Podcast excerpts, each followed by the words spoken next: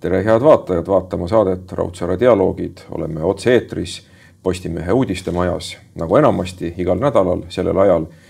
ja te saate seetõttu küsida ka küsimusi, head vaatajad, emailil raudsaare.dialoogid at postimees.ee ja ilmselt ei ole saladus neile, kes aknast välja vaatavad, et on läinud pimedaks, on hämar sügis ja kui on hämar sügis ja pimedad ööd, siis tuleb külla Pimedate ööde filmifestival ja meile on tulnud külla selle festivali asutaja ja peakorraldaja Tiina Lokk, tere. tere.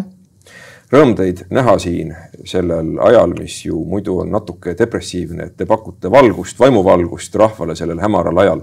aga kui me räägime filmikunstist täna ja me räägime elust, siis te olete öelnud niimoodi, et film, filmikunst on suurem kui elu, mis toob mulle meelde ühe esimese väidetavalt maailma esimese filmi linastuse Vendade Lumiere rongi saabumine jaama, kus vaatajad põgenesid saalist, kuna nad kartsid, et rong sõidab neile otsa.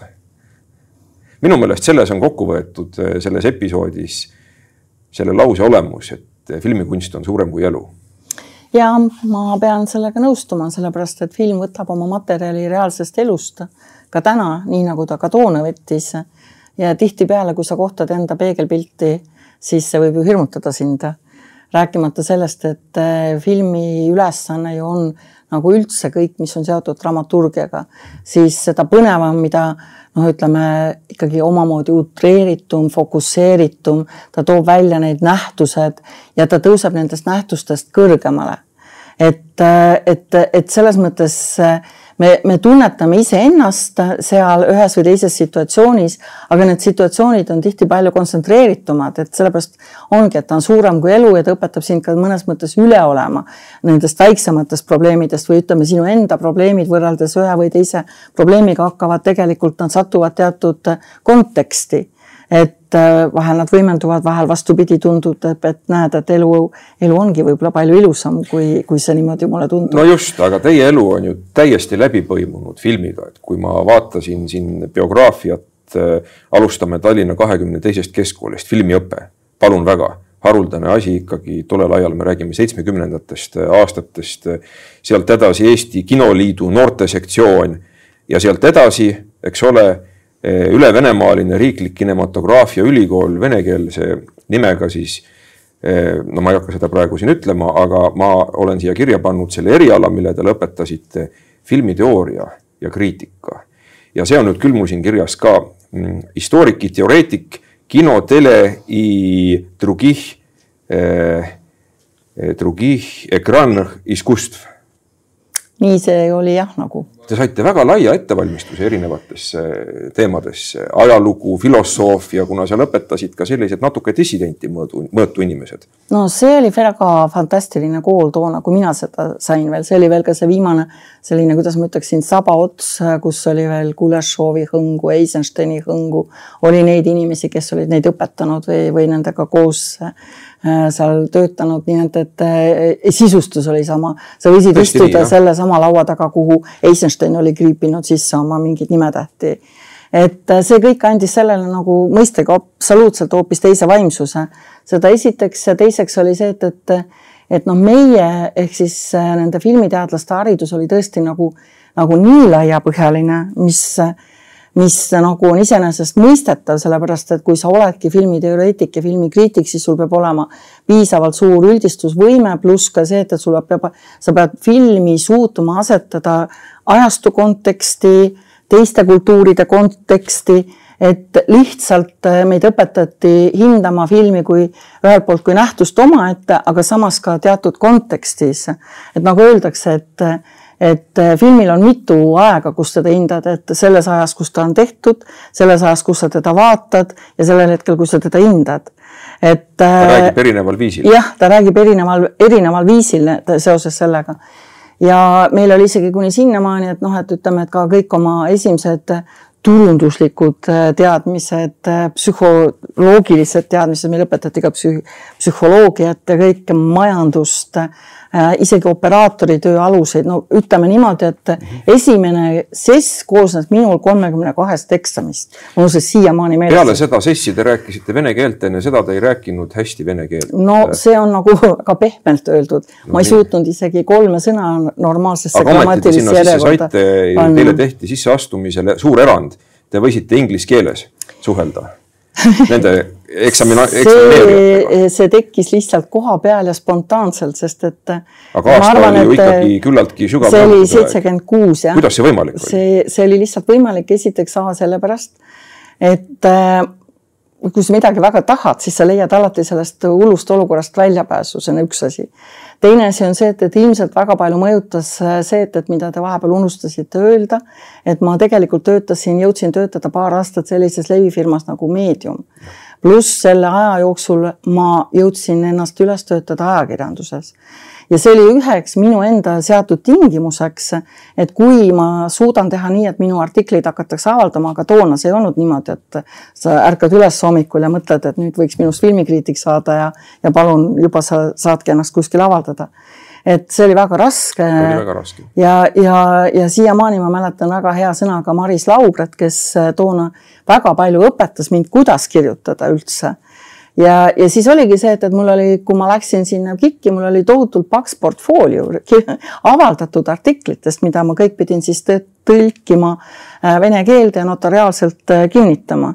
ja see oli see, mis tekitas sellist elevust, nagu mulle pärast öeldi, et ja mille alusel mind tegelikult äh, nagu valiti, aga seal oli nagu meistrite süsteem, et meister ise koostas endale siis selle kursuse aga, aga. kes, kes see teie meister oli? või minu meister oli selline, üldse see oli, minul oli väga huvitav aeg oli.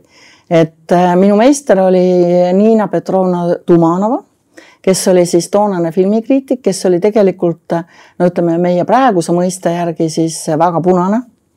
Aga ta oli nii tark ja üldse seal oli väga palju selliseid õppejõudusid, kes Äh, ei surunud oma maailmavaadet sellisel mõist-, moel või viisil peale, vaid meile loodi võimalus sellest, et vaata filme. ja kujunda ise oma filmi ajalugu selle keskel. ja, ja ma olen nagu kohutavalt tänulik ka sellepärast, et, et tegelikult meil oli üks äh, diskursus oli ka see, kus õpetati, meile näidati kõige halvemaid filme iga reede hommik oli see, kus näidati üks kõige halvem film. no tooge üks näide. oi, ma ei mäleta enam seitsmekümne kuuendast aastast. Need ei tulnud, mis ei tulnud isegi kunagi võib-olla üldse ja. välja. meil taheti Eestis vaid... tehti äh, kunagi maailma väidetavalt kõige harvema, halvemat filmi Tappev Tartu. no enam-vähem. kas, kas see võiks siis midagi taolist teha ja kus oli meie ülesanne oli leida sealt need plusspunktid et kõigepealt äh, ükskõik kui halb see asi ei ole, sa pead leidma selle, mis on selles filmis head, miks see film on tehtud ja mis on olnud selle autori seisukoht ja vot pärast seda võid hakata lammutama teda. ja see on mulle eluks ajaks külge jäänud selliselt, et ma näen kõigepealt seda head ja see, milleks on ta tehtud ja siis ma võin vaadata seda, kas see on õnnestunud ja miks ta ei ole õnnestunud, eks ju ja, ja üldse toonased õppejõud, nagu te juba enne mainisite, nad olid paljuski sellised, kes noh, ütleme saadeti Siberisse, tulid ära, saadeti jälle Siberisse, nende vanavanemad olid ka seal Siberis olnud mm.. ehk äh, läksid kuni peredvižnikute aega tagasi ja sellised tõelised parimad vene intelligentsi näitajad, keda, kes oleks pidanud olema õppejõud äh, Moskva ülikoolis, mis oli toona kõige kõrgem, eks ole, üldse. aga nende päritolu pärast nad ei saanud sinna, siis nad õpetasid meid seal. ja, ja kui nad ei saa, see, mida ei saadud õpetada klassis siis äh, olid sellised kuulsad pannkoogi õhtud, kuhu kutsuti nagu noh, nende jaoks huvitavamaid üliõpilasi. ma saan aru, et teie olite see? ja pean ütlema, et jah, oli küll et, et see oli, need olid need asjad, mis noh, paratamatult vormivad inimest, eriti kui sa veel noor oled. et et, et sealt sain ma nagu parimad ülevaated vene kirjandusest, filosoofiast, teatriajaloost, kõigest, eks ju, maailma kirjandusest, mida tõsi, meil Loomingu Raamatukogu avaldas, aga Venemaal oli see uunikum.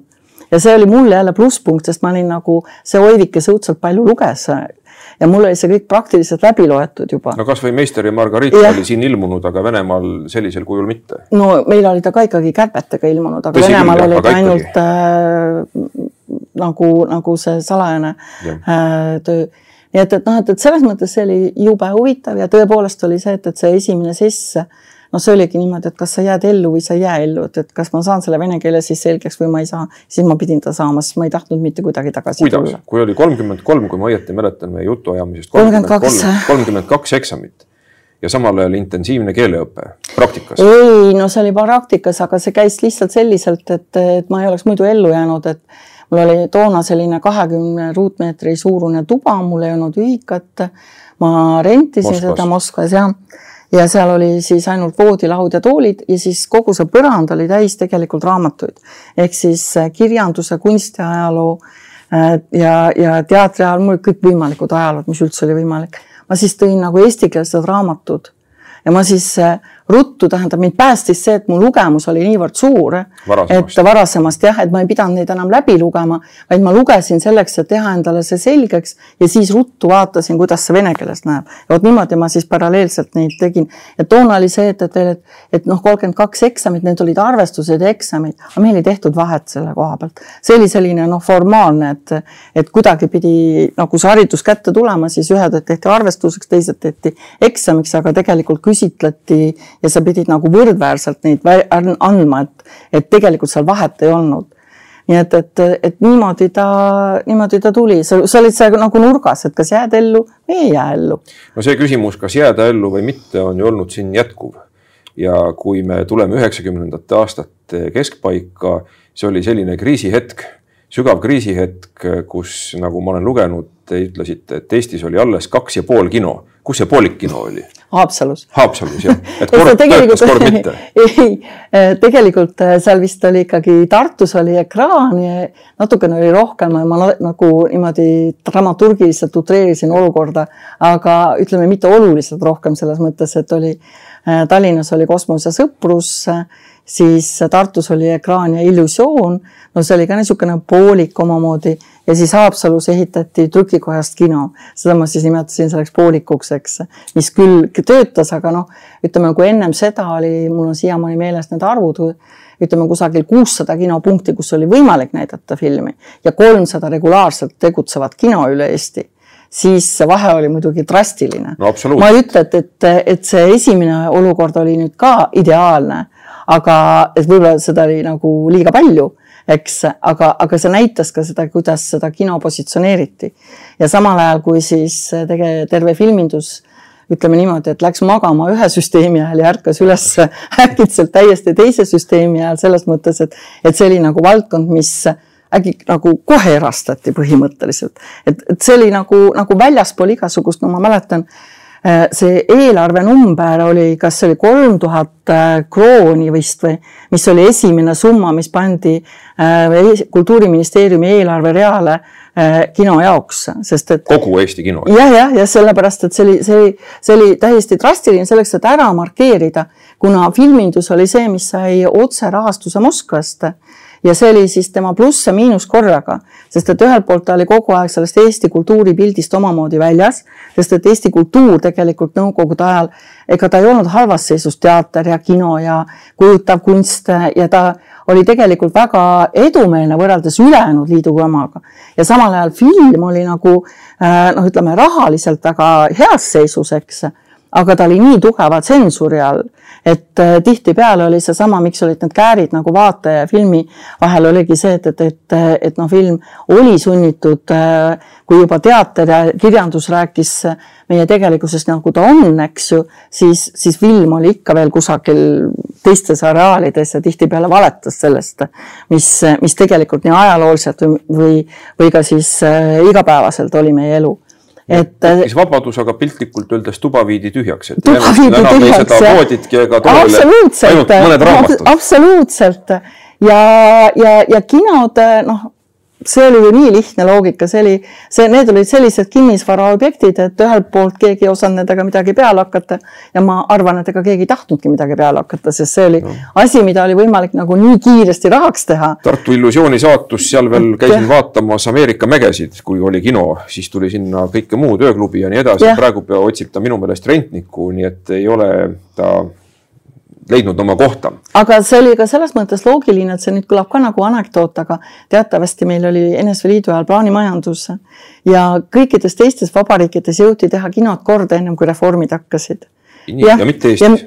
ei, see pidigi tulema see aasta, kus meil toimus see üleminek, eks, reformid, see oli, oleks pidanud tulema Eestis kinode remont laialdane ja kaasajastamine, nii et, et, et kogu selle asja tegi veel eriti nagu, nagu valusaks see, et, et meie kinode seisund oli kohutav. Tegelikult ka kohutav. no ma käisin, ma ei hakka siin see no just ja see, see oleks nõudnud kinoomanikelt tohutuid investeeringuid, mida loomulikult sellisel kujul, kui siin nagu ära kiusatakse vette, ei olnud ei kinoomanikel, ei olnud ei, ei, ei linnadel ega valdadel ega ka riigist rääkimata nii et, et see oligi see saatus, et, et sisuliselt kinod kadusid meie pildilt. ja vot nüüd me tuleme tagasi selle põhimotiivi juurde, et eh, filmikunst on suurem kui elu, mulle tundub. et te olite olukorras, kus te pidite otsustama, kas nüüd ma võtan uue töö, profileerin ümber, kuna see kõik oli niivõrd lootusetu ja armutu. või ühesõnaga, teen endale ise töö. ja täpselt nii ta oli, sellepärast et eh, mul oli eh, noh, ütleme nii, et, et see oli veel naljakas, oli ka see, et, et ma just otsustasin, et ma, et ma olin nagu ennast ammendanud Tallinnfilmis stsenaariumide toimetajana ja filmitoimetajana, noh, nüüd on sellel peenikene nimi skriptdoktor, eks ju, toona oli see ah. toimetaja. Et, äh, et, et ja, ja ma nagu polnud peaaegu filmi, mida ma ei oleks siis kas moel või viisil toimetanud või kus ma siis ei oleks olnud nagu autoritega tööd teinud. ja, ja see on selline, see on ühelt poolt erakordselt huvitav töö, aga sa annad endast nagu kõik välja ja sa ühel hetkel tunned, et sa enam ei suuda. ja siis mul oli täpselt see hetk, kus ma tundsin, et ma enam ei suuda ja, ja loomulikult keegi ei osanud arvata, keegi ei teadnud, noh nagu praegu Covidigagi, et mida see järgmine päev toob. ja nii ma mõtlesin, et noh, nüüd on mul aeg siis seda peret hakata looma. ja, ja juhtuski nii, et, et pere tekkis, aga süsteem kadus ära ja siis mulle pakuti küll igasugust tööd ja tegemist ja erinevaid asju ja tegelikult ma oleks võinud päris head karjääri teha. ajakirjanduses isegi peatoimetaja kohti pakuti. kus kohas? ei, ma ei saa, ta praegu ei ütle seda praegusel hetkel enam. no aga kui me vaatame et, praegust äh, olukorda, ma arvan, et see valik ei olnud võib-olla isegi vale. ei, ma ei, jah, ma arvan seda ja, ja edas ja edasi kindlasti kohe ja, ja siis ma nagu, nagu, nagu mõtlesin ja ma mõtlesin, et jumal, et kas ma siis sellepärast nägin nii palju vett ja vilet seal Moskvas, sest et mis siin salata, see oli raske. et, et ma nagu ja ma tunnen, et noh, et ma ei ole ennast realiseerinud oma erialal ja minu eriala nagu võlu oli veel selles, et noh, et, et, et ma võisin töötada, eks ole, stuudios, ma võisin kirjutada, ma võisin ajalooga tegeleda, see ei olnud minu küll temperamendiga vastavuses, eks. aga, aga ta on nagu päriselt selline, nagu ta ütles, et see haridus oli nii laiapõhjaline, et ma oleksin võinud ennast väga mitmes valdkonnas realiseerida, mida ma ka tegelikult tegin ja mis äh, ongi mind võib-olla selle valdkonna juures nagu hoidnud, et mul on kogu aeg, et kui mul mingi asi nagu hakkab rutiinseks muutuma, siis ma suudan ennast jälle minna ja leida mingi teise niši, kus vahepeal ennast värskendada ja, ja tuua nagu uut energiat. ja, ja siis ma otsustasin, et ei, et, et tuleb ikka proovida ja panin oma viimase raha, mis siis, et perekond oli materiaalsetes suurtes aukudes ja, ja lõin endale levifirma, mis oli siis äh, esimene toona Nõukogude endiselt N-liidu territooriumilt, kes hakkas otsima ja ostma Film. nagu filme otse eh, lääne firmadelt, eh, minnes siis nagu jättes siis Moskva kõrvale. ja ma võin öelda täitsa kindlalt, et kui minu asemel oleks meesterahvas olnud Berliinis, kus ma sõlmisin esimese lepingu, ma arvan, et ta oleks peksa saanud. sest et see oli, see oli, see oli, see oli, see oli kohutav, kuidas kuidas seda Moskva ei tahtnud, et, et me läheksime nendest mööda, looksime selle pretsedendi. aga siis tuli üheksakümne seitsmes aasta ja sündis PÖFF.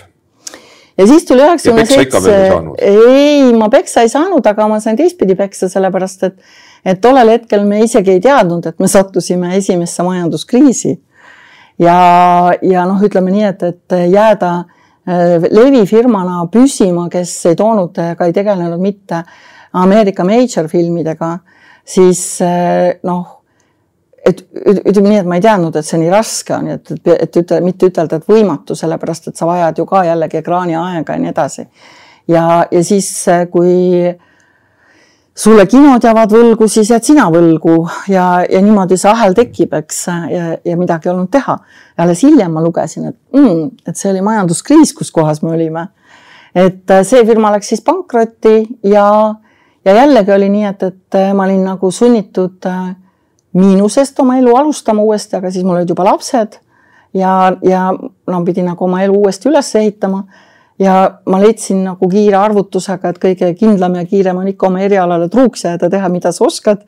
ja kuna ma olin juba mingi aasta või kaks teinud seda festivali, noh, nagu filmimaksja alt ette valmistanud seda, ütleme niimoodi, sellepärast et, et äh, jällegi hiljem ma avastasin, et ilmselt see festivali unistus jäi mulle äh, sisse siis, kui ma töötasin selles meediumis ja me pidime tol korral korraldama spordifilmide festivali ja see oli lihtsalt nii äge, et ega ma ilmselt muidu sinna filmi ei olekski jäänud, ma tahtsin maastikuarhitektiks saada, kui päris aus olla vahepeal.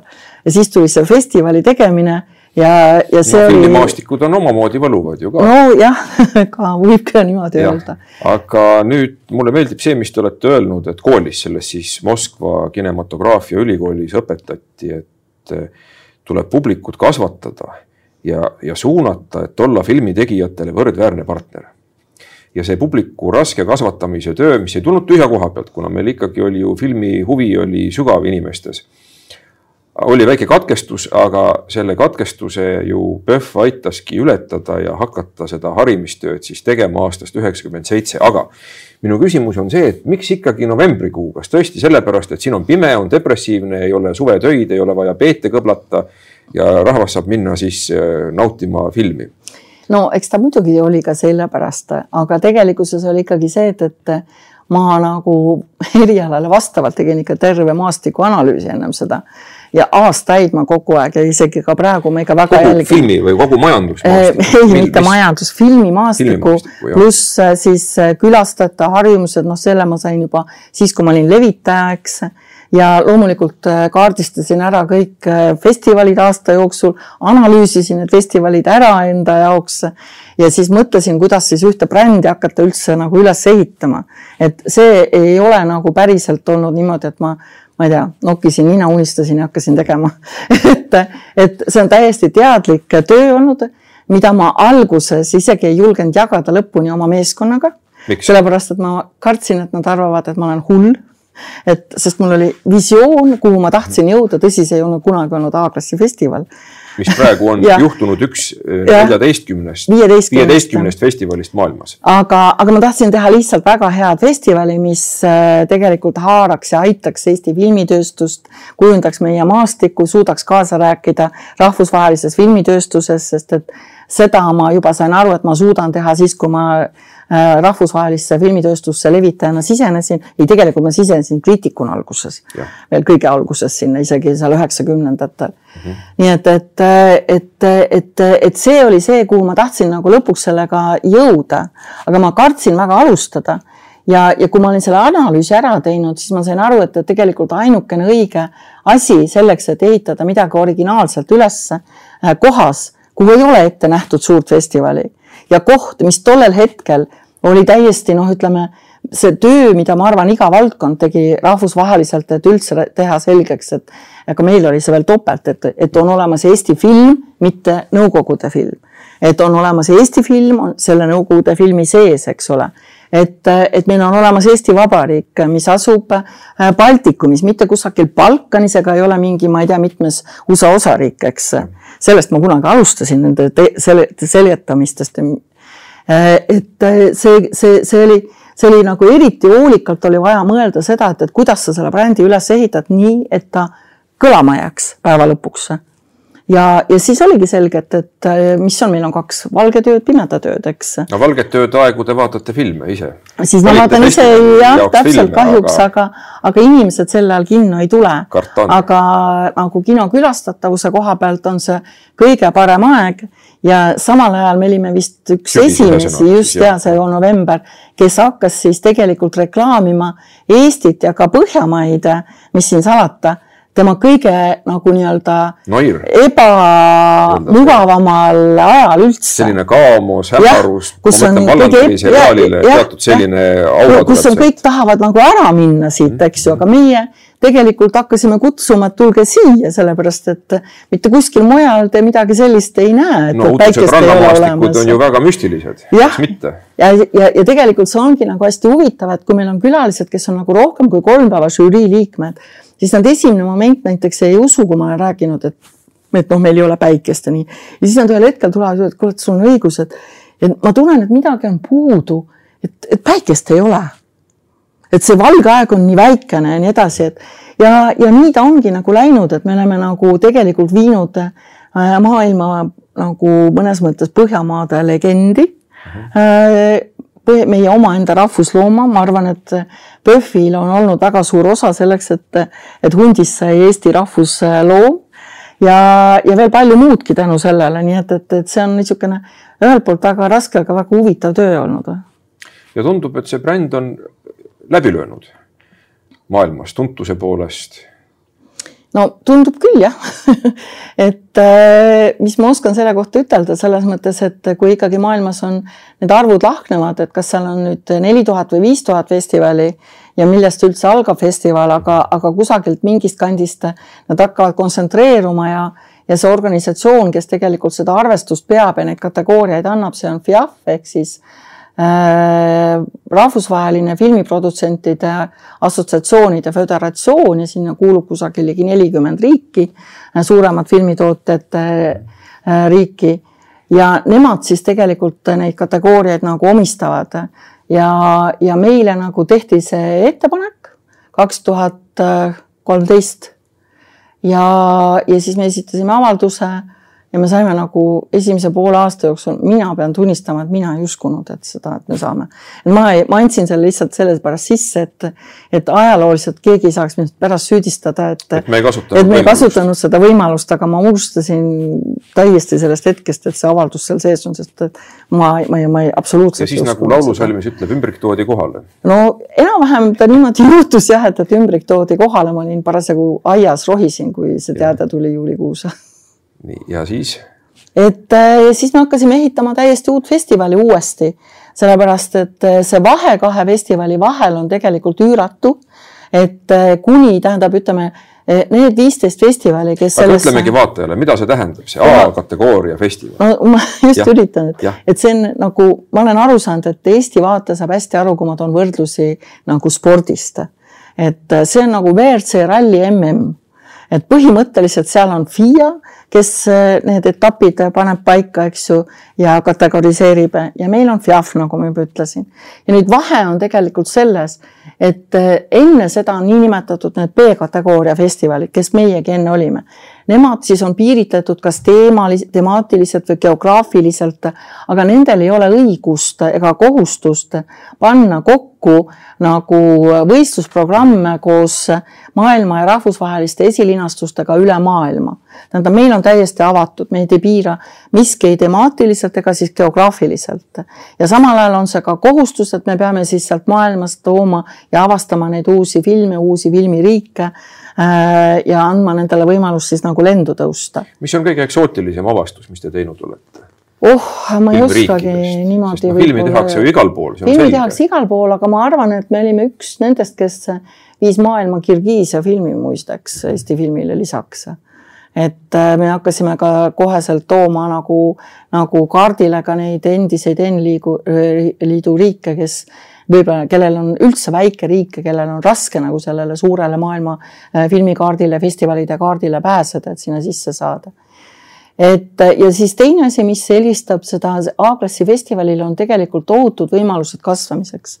et äh, tähendab, ma mõtlen selles mõttes, et ka suureks turismimagnetiks läbi staaride siia toomise siis meil, noh, meil seda võimalust ei ole, sest et see eeldab hoopis teist eelarvet. ilmselt kümme korda suuremat eelarvet. jah täpselt ja, ja võib-olla seda noh, ütleme meil ka sellisel kujul ei oleks vaja, nagu see on San Sebastianis või, või Veneetsias, sest ta on ikkagi, käib kaasas ka suurte turgudega, mida meil ju ei ole selja taga ja, ja meie festival selles mõttes on üsna unikaalne, sest kui te võtate need ülejäänud viisteist Veneetsia. Nad on suurtel on, turgudel. Nad on suurtel turgudel, et me oleme nagu täiesti. filmilevi järgneb kõigil on huvi minna sinna, pääsevad turgudele, kui nad saavad selle palmioksa või mis iganes. just me oleme, me oleme nagu, nagu selles mõttes täielik uunikum, et, et meil on üks koma kolm miljonit, mis on Berliiniga võrreldes üks Berliini rajoon, lihtsalt elamurajoon, eks. selle asja taga, kuigi me jah, töötame nagu regiooni peale ehk siis Skandinaavia ja Baltimaad, aga see ei ole noh, ütleme, see läheb juba liiga detailseks, et leviseaduspärastustesse minna, et, et see, see ei ole seesama, kui sa oled Cannes ja Prantsusmaal näiteks ja su taga on prantsuskeelne äh, auditoorium, eks ju, üle maailma et äh, aga tal on võimalus see, et, et noh, et ütleme, et tema nagu äh, see on Eesti riigile ja linnale, nii nagu ka kõikidele nendele teistele analoogsetele suur investeering, sest et ta toob kuni kolm, neli, viis korda rohkem tagasi öö, otse ja kaudsete öö, tuludena majandusse, turismindusse, no turism läbi selle ka juba majandusse.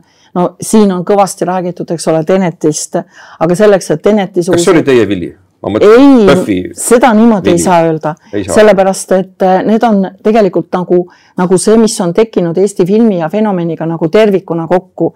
et äh, see vast on küll väga suuresti PÖFFi vili, et Eesti filmi on märgatud, sellepärast et äh, seda isegi kunagi Jaan Ruus tunnistas, kes on igavene skeptik oli, aga ta oli sunnitud tunnistama, et seal, kus on PÖFF, seal liigub ka Eesti film. see oli küll aastat kümme juba tagasi et, et, et me avasime uksi Eesti filmile, kuna festivalide direktorid on ikkagi omavahel networking. ja, ja, ja, ja sellega nagu paljud asjad rääkimata, et meil on väga suur osa, mis üldse vaateni ei, ei ole näha, see on industry, mis tegelikult tegeleb puhtalt Eesti ja siis regionaalse filmitööstuse arendamisega ja see oli ka tegelikult väga suur plusspunkt, miks me selle kategooria saime, et see industry on olnud ja on siiamaani kõige suurem ja kõige noh, ütleme väljapaistvam osa siin terve selle, selle Põhjamaade eh, ja, ja Baltikumi regiooni peale kokku. ja, ja seda me ka siin nagu hoiame ja see ka toob siia väga palju rahvusvahelist tööstust, eh, kes siis omakorda jällegi noh, ütleme tema, tema eelis on see, et, et vaata, et kui näiteks Eesti film läheb Berliini, siis ta kaob selle suure asja sisse. Ta peab seal olema, aga seal ei ole neid inimesi alati juures, kes on konkreetselt huvitatud sellest kultuuriruumist. kuna meil on otsesaade, siis meile on tulnud küsimused ja nii, et meile serveeritakse kohe küsimused, vaataja küsimused, aitäh. ja vaatame kohe, mida siin siis rahvas küsib. ma ütlen vahele seda, et aga PÖFF ei ole siiski nišistunud, vaatamata sellele, et ta on väike, et ta on eriline, et, et ta on regionaalne. no ta ei saa kuidagi nišistuda, kui temast võtab osa kogu aeg kas kuni seal kuuskümmend kuni seitsekümmend riiki ja väga palju rohkem riikides enam isegi ei tehta filme. hea küsimus.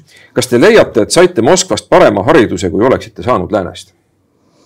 mul ei ole ju võimalik seda võrrelda selles mõttes, et mul on võimalik teda võrrelda niivõrd palju, kuivõrd, et äh, kui ma. kui ma tohin koos..., ma küsin natuke teisiti. kui te praegu suhtlete oma kolleegidega. aga ma tahtsin sinna jõuda Okei, just et äh, mul oli see võimalus võrrelda äh, seda haridust siis, kui me ehitasime koos Jüri Sillarti ja meeskonna Rein Maraniga, Arvo Ihoga üles Eestis filmiharidust.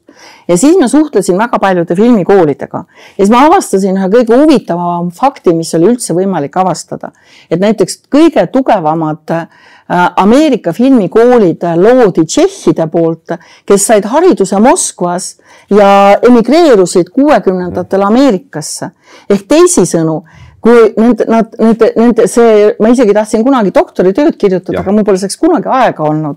et nendest kokkupuutepunktidest, mis olid, et ma sain aru, et, et tegelikult Moskva kool, mitte enam täna, aga ta oli väga, ta on ikkagi maailma kõige vanem filmikool tuhat üheksasada üheksateist. jah, et äh, ta oli väga paljudele koolidele oma õppeprogrammilt eeskujuks ja selle ülesehituselt. seda ma kogesin siis, kui ma nagu äh,, nagu tegin seda, me tegime seda, ehitasime oma seda ma õppeprogrammi küsin vahele, kuidas see on võimalik, et bolševistlikul Venemaal, kus ei olnud leiba ja möllas kodusõda, aastal tuhat üheksasada üheksateist asutati kino, kas see oli sellepärast, et Lenin ütles, et see on niivõrd tähtis propagandavahend?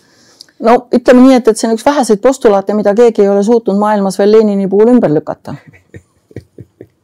aga sellele anti hea sisu aja jooksul. ma nüüd segasin jutule vahele. ei, et, et ja siis kasvõi ka see, et, et noh, näiteks mul oli tohutu kompleks, kui ma noh, kui üheksakümnendad olid ja mul on nagu mitu korda, kus ma olen, vot ma rääkisin, et kui ma tegin endale ise tingimused, et kas ma lähen õppima või mitte, eks ole.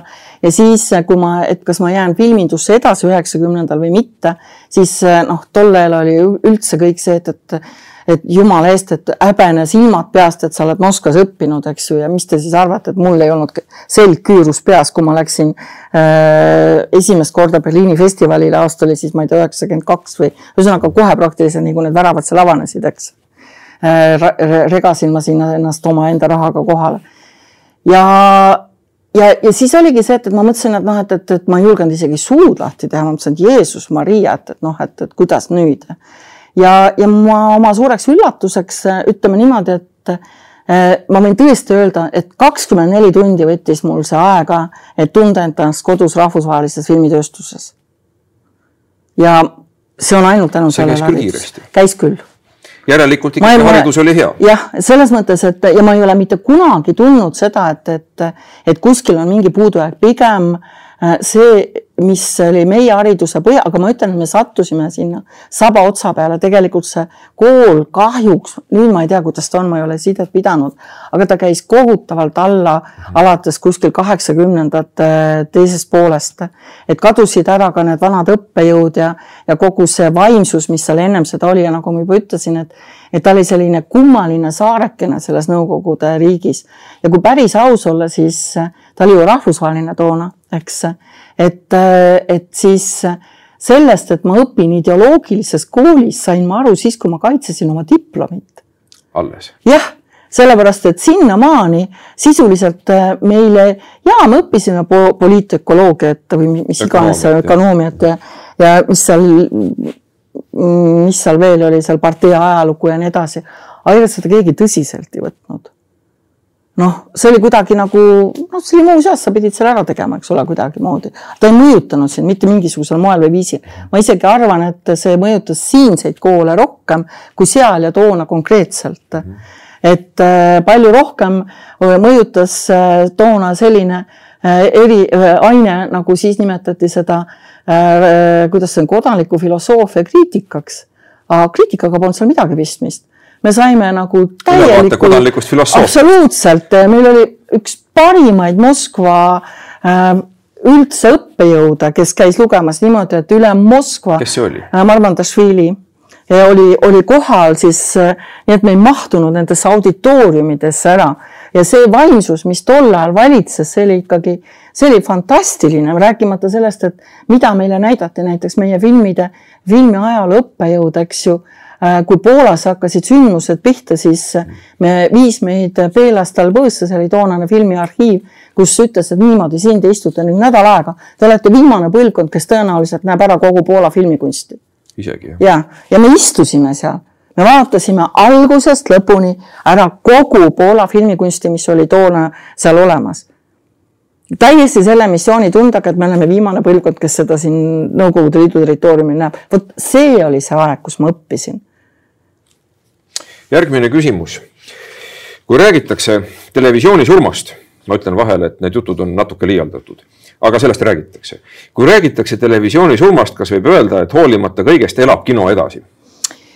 et teate, ma veel kuu aega tagasi ütlesin, et äh, kindlasti elab. ma mõtlen kino kui kino kui, kui kinoteater, eks kus inimesed käivad. jah, kus inimesed käivad, istuvad, vaatavad koos ja naudivad seda ühist emo emotsiooni nüüd seoses selle Covidiga mul on tekkinud esimest korda niisugune kerge hirmuvõbelus, et see võib hakata muutma paradigmasid, kui, sest inimeste harjumusi on ta niivõrd kõvasti muutunud, muutnud, sest et meil on olemas siiski noh, ütleme suur privileeg olnud, et meie kinod on nagu suhteliselt vähe aega olnud äh, kinni äh,. mujal riikides on Ameerikas nad väga kogu aeg kinni just, ja tegelikult seal on juba normaalne, et suured blockbusterid lähevad otse äh, Netflixi või Amazoni, eks.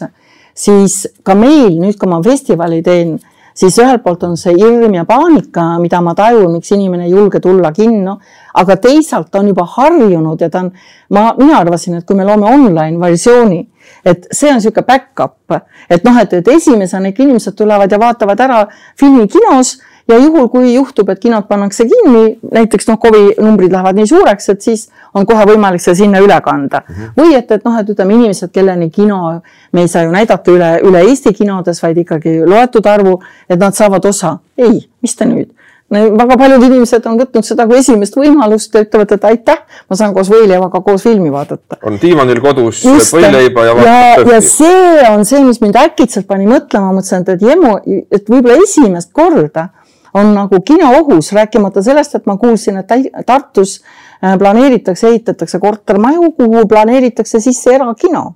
saate aru? no see ei pruugi ju halb olla, ma olen Taanis käinud väikeses sellises kinos, kus aga, oli kümme inimest saalis, see oli super kogemus. aga, aga te saate aru, mida ma silmas ma pean, et noh, et, et, et see Covid on seda maailma nagu niimoodi muudab, et mina täna ei julge enam küll ütelda, mis saab näiteks aasta või kahe pärast. et see väga palju sõltub, et kui suur on see vahe, kus inimene, inimesel on tekkinud see hirm, kuigi näiteks mitte üheski riigis, meile meil oli äh, sakslastega rääkisime näiteks ja mitte keegi ei oska öelda mitte ühtegi riiki, kus oleks kinos olnud äh, nagu tekkinud suur mingi Covidi pesa või puhang või midagi taolist, eks ju. ja ometigi inimesed kardavad just millegipärast rohkem kinno minna, kui isegi teatrisse minna, eks ole. ma ei tea, miks see nii on, ma ei oska seda öelda, mina ise ei karda. Eriti pärast seda, kus me oleme kõik turvameetmed võtnud niimoodi ette, et eh, no seal peab ikka nagu tõesti kohe ise sellele Covidile no, otsa jooksma. erinevalt Nõukogude Liidu lagunemisest, kui meie kinod olid väga halvad, siis praegu meie kinod on just vastupidi, väga head ja võimaldavad kõiki neid. Eh, ja, ja, ja seda küll, aga samas ka nende kinodel on vaja näiteks uuendust ja nii edasi, et, et ärme äh, alahinda seda raskust ja seda situatsiooni, kuhu praegu kõik kinod äh, kukuvad tänu sellele Covidile see on, ei ole sugugi kergem, kui on teatritel.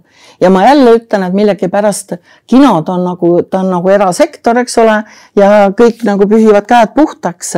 ja see on ka minu jaoks nagu näiteks hirm, et aga mis siis juhtub, kui kinod lähevad kinni pikaks ajaks kinni, kinod lähevad pankrotti, kes neid hakkab üles ostma, kas hakatakse? Kui... mul ei ole niisugust raha, muidugi ma võtaks aga ma olen kord juba üritanud Eesti kinosid päästa, see oli üheksakümnendatel ja see viis mind pankrotti toona, sest et, et, et ma proovisin Heliost päästa, proovisin äh, Haapsalus vana kino päästa ja ekraani päästa Tartus ja. no ekraan küll pääses. no pääses jah, aga selle hinnaga, et tegelikult noh, ütleme meie ikkagi lõpuks ei suutnud sellega tegeleda selliselt kujult. nii et, et, et see on, see on tegelikult see on väga keeruline küsimus tänasel päeval ja hetkel et sellest võib tulla nii head kui ka halba.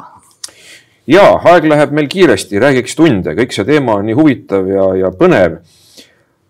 Küsimus, mida ma vaataja küsimustest viimasena küsin. Teid on läbi elu kandnud hullumeelsed ideed. mida öelda neile, kes ei julge ja siin on sulgudes veel neid teostada? et ähm, esiteks ma arvan, et mul ei ole hullumeelsed ideed olnud, vaata hullumeelseks ma pean seda ideed, kui sa lihtsalt võtad ja hakkad äh, nagu mõtlema, et ma küll näen välja niisugune laperdavate kõrvadega boheem, eks, ja sinna orki on läinud väga paljud inimesed, kes on üritanud mind nagu kas äriliselt või, või moel või viisil petta. aga tegelikult ma oskan väga hästi situatsiooni analüüsida ja kõik minu hullumeelsed ideed, nii veider kui see ka ei kõla, siis nad on olnud ennem seda ikkagi üsna hästi nagu läbi analüüsitud. et ma olen ikkagi enam-vähem see kass, kes kukub neljale jalale. Et äh, on muidugi asju, mida sa kunagi ei saa nagu lõpuni läbi prognoosida või noh, tekivad situatsioonid nagu Covid või majanduskriisid ja ja, ja, ja väga paljud mingid asjad ja noh, ütleme kasvõi ka heas mõttes, no ma tõesti ei, ei ole kunagi sihtinud saada A-klassi festivaliks ausalt see oli minu jaoks sealt Nõukogude Liidu areaalist tulnuna, oli see ikka nagu mingisugune täiesti mõeldamatu asi, et me võime kunagi kusagil Berliini või Cannes'i või Veneetsiaga ühes reas olla. noh, teades väga hästi ka täna, mis on ja kes on nemad, eks ole, kes meie oleme. aastal kaheksakümmend kaks Vremjat vaadanuna, mis oli ainult no, pakend läänemaailma, et noh no,, seal võeti mingeid auhindu kuskil vastu. absoluutselt no,, see oli kosmos ja kui ja. ma sattusin Sofia Loreniga kokku Berliini festivalil, siis ma alles hakkasin jõudma, et vist on tõesti reformid, et, et ma, ta oli sama kaugel minust kui teie, eks, ja ma mõtlesin mm,, et see ei ole võimalik, et mina, väike tüdruk sealt kusagilt N-liidust, eks. et äh, aga muud asjad ma olen ikkagi suhteliselt hästi nagu ära arvestanud. aga mida siis nagu... öelda nendele inimestele, kes tahaksid teha midagi suurt? unistada tuleb osata, et see ongi see, et, et, et kino on suurem kui elu et sa pead lihtsalt, see ongi see, et kino õpetab sind tegelikult unistama, film õpetab sind unistama. Et Lumieriga koos sündis ka Melies. ja see ongi kaks poolust, mis kino ühendab ja see on see, mikspärast mina armastan seda filmi.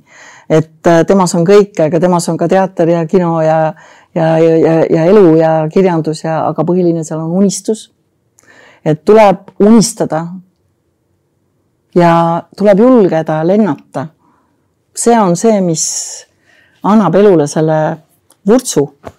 See on tõesti nii ja, ja ma kutsun kõiki üles minema PÖFFile, mina tahan vaadata sellist filmi nagu Puude salapärane elu, mis räägib samanimelisest bestsellerist. Peeter Wolleben oli selle raamatu autor, et puud omavahel suhtlevad ja et nad on midagi enamat kui lihtsalt sellised noh, tüved, mida me oleme harjunud metsas nägema, väga intrigeeriv, väga huvitav. Tiina Lokk, palju tänu selle põneva ja inspireeriva vestluse eest, ma nõustun, elu tõesti on kinos, kino on suurem kui elu, aga sellepärast tuleb kinos käia. edu teile! aitäh! ja selline oli tänane Raudsaare dialoogide saade. kui oleme kõik PÖFFil ära käinud ja saanud sealt, ma loodan, hea katarsise jääb ehk natukene jõudu ka nädala pärast siin kohtuda taas, kus meil on uus külaline või külalised ja uued jutud. kõike head teile seniks. aitäh. Thank you.